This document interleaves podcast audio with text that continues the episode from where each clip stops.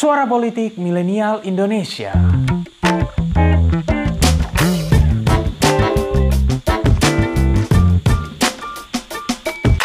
Antartika Wilayah bumi yang berada di kutub selatan ini memang menjadi salah satu tempat paling ekstrim di permukaan bumi. Well, suhu rata-rata di kutub selatan bisa mencapai minus 49 derajat Celcius. Sementara freezer di rumah kalian rata-rata hanya bisa mencapai suhu minus 15 derajat Celcius. Namun, bukan berarti Antartika tidak bisa didiami. Selain penguin tentunya, setidaknya saat ini ada sekitar 5.000 orang yang mendiami wilayah tersebut di musim panas dan hanya 1.000 orang yang tinggal saat musim dingin. Dengan total luas wilayah mencapai 14,2 juta kilometer persegi, Antartika adalah benua terluas kelima di bumi. Benua ini jauh lebih luas dibandingkan Eropa dan hampir dua kali lipat lebih besar dibandingkan Australia. Hingga kini setidaknya ada tujuh negara yang membuat klaim teritorial atas wilayah Antartika. Negara-negara tersebut adalah Argentina, Australia, Chile, Prancis, Selandia Baru, Norwegia, dan Inggris. Nah, karena wilayah ini ekstrim, tak heran banyak isu dan teori yang berkembang terkait wilayah ini.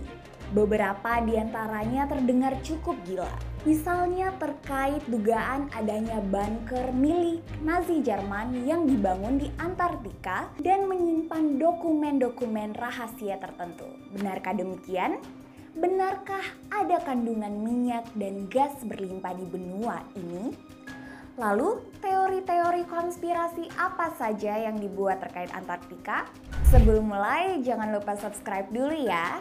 Kalian juga bisa mendaftar jadi member Pintar Politik dan dapatkan konten-konten eksklusif dengan klik tombol join di bawah ini ya. Dan buat yang berminat untuk membeli e-book Pintar Politik, jangan lupa kunjungi toko Pintar Publishing di Tokopedia, Bukalapak, Shopee, dan semua toko online lain kesayangan kalian. Link selengkapnya juga bisa kalian cek di kolom deskripsi. Back to the video. Mari kita mulai.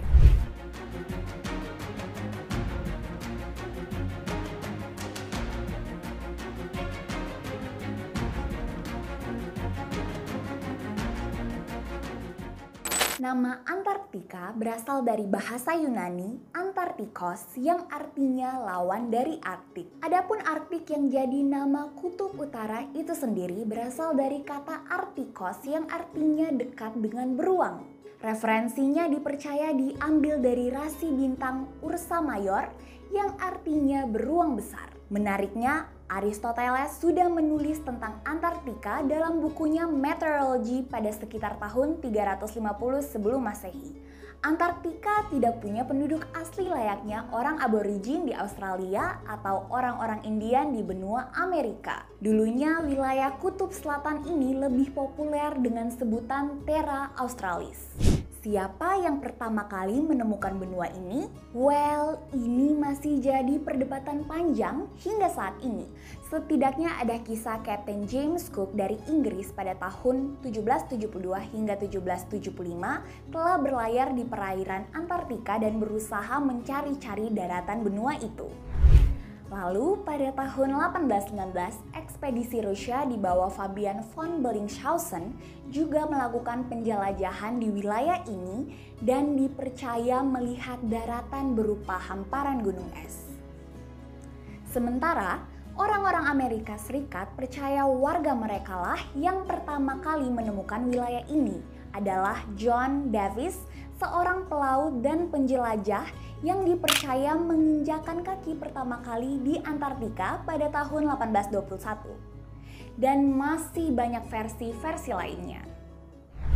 Yang jelas, negara-negara yang pernah menginjakan kaki di wilayah ini kemudian berlomba-lomba mengeksplorasi, meneliti, dan bahkan membangun tempat persinggahan di wilayah benua ini. Adapun wilayah pemukiman terbesar di Antartika saat ini adalah McMurdo Station yang merupakan stasiun penelitian yang dioperasikan oleh Amerika Serikat. Seperti sudah disinggung sebelumnya, karena kondisinya yang ekstrim dan didiami oleh hanya sedikit orang saja, tak heran wilayah Antartika dipenuhi misteri dan konspirasi.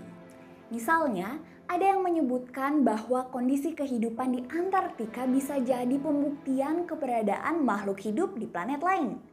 Seperti di Mars, bulan milik Saturnus yang bernama Enceladus, dan Europa yang merupakan satelit Jupiter. Ini karena kondisi lingkungan ekstrim di Antartika dipercaya mirip dengan planet-planet tersebut.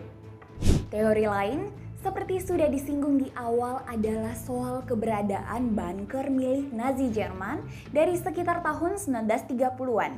Dipercaya ada kapal yang berlayar dari Jerman ke Antartika di tahun-tahun tersebut dan membawa peninggalan dan file-file rahasia milik Adolf Hitler. Cerita-cerita yang lain adalah yang menyebut bahwa Antartika sebenarnya adalah benua Atlantis yang bergeser ke selatan. Lalu, ada juga yang menyebut wilayah ini jadi tempat pendaratan alien dan lain sebagainya. Hingga kini, kisah-kisah tersebut memang masih sulit dibuktikan kebenarannya.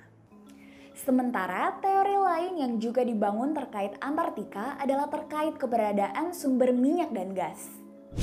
Ini misalnya termuat dalam laporan US Geological Survey berjudul The Undiscovered Oil and Gas of Antarctica yang menyebutkan bahwa ada cadangan minyak yang bisa diambil sebanyak 19 miliar barel dan ada sekitar 106 triliun kubik kaki gas yang terkandung di wilayah tersebut. Namun, hingga saat ini belum ada yang melakukan eksplorasi tambang di wilayah ini mengingat telah ada Antarctic Treaty yang melarang penambangan apa pun di wilayah Kutub Selatan setidaknya hingga tahun 2048. Selain minyak dan gas, Antartika juga disebut memiliki kandungan mineral dan logam lain, misalnya emas, kobalt, tembaga, besi, nikel, dan lain sebagainya.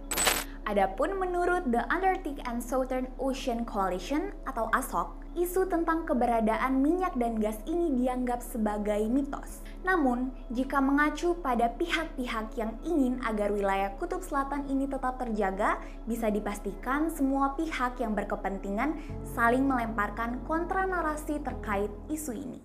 Sejauh ini, negara-negara seperti Rusia, Iran, dan India adalah yang telah mengekspresikan ketertarikan untuk melakukan penambangan di wilayah ini. Sementara negara lain seperti Australia juga menganggap punya hak dalam ikut menentukan masa depan di wilayah Kutub Selatan ini. Apa pun itu, yang jelas di belakang setiap misteri dan teori yang dibangun terkait Antartika selalu ada kepentingan dari masing-masing negara yang bersaing. Sama seperti ketika masing-masing negara itu ditanya siapa yang pertama kali menemukan benua ini dan mengklaim merekalah yang pertama, demikian pun dengan konteks pengelolaan wilayah ini.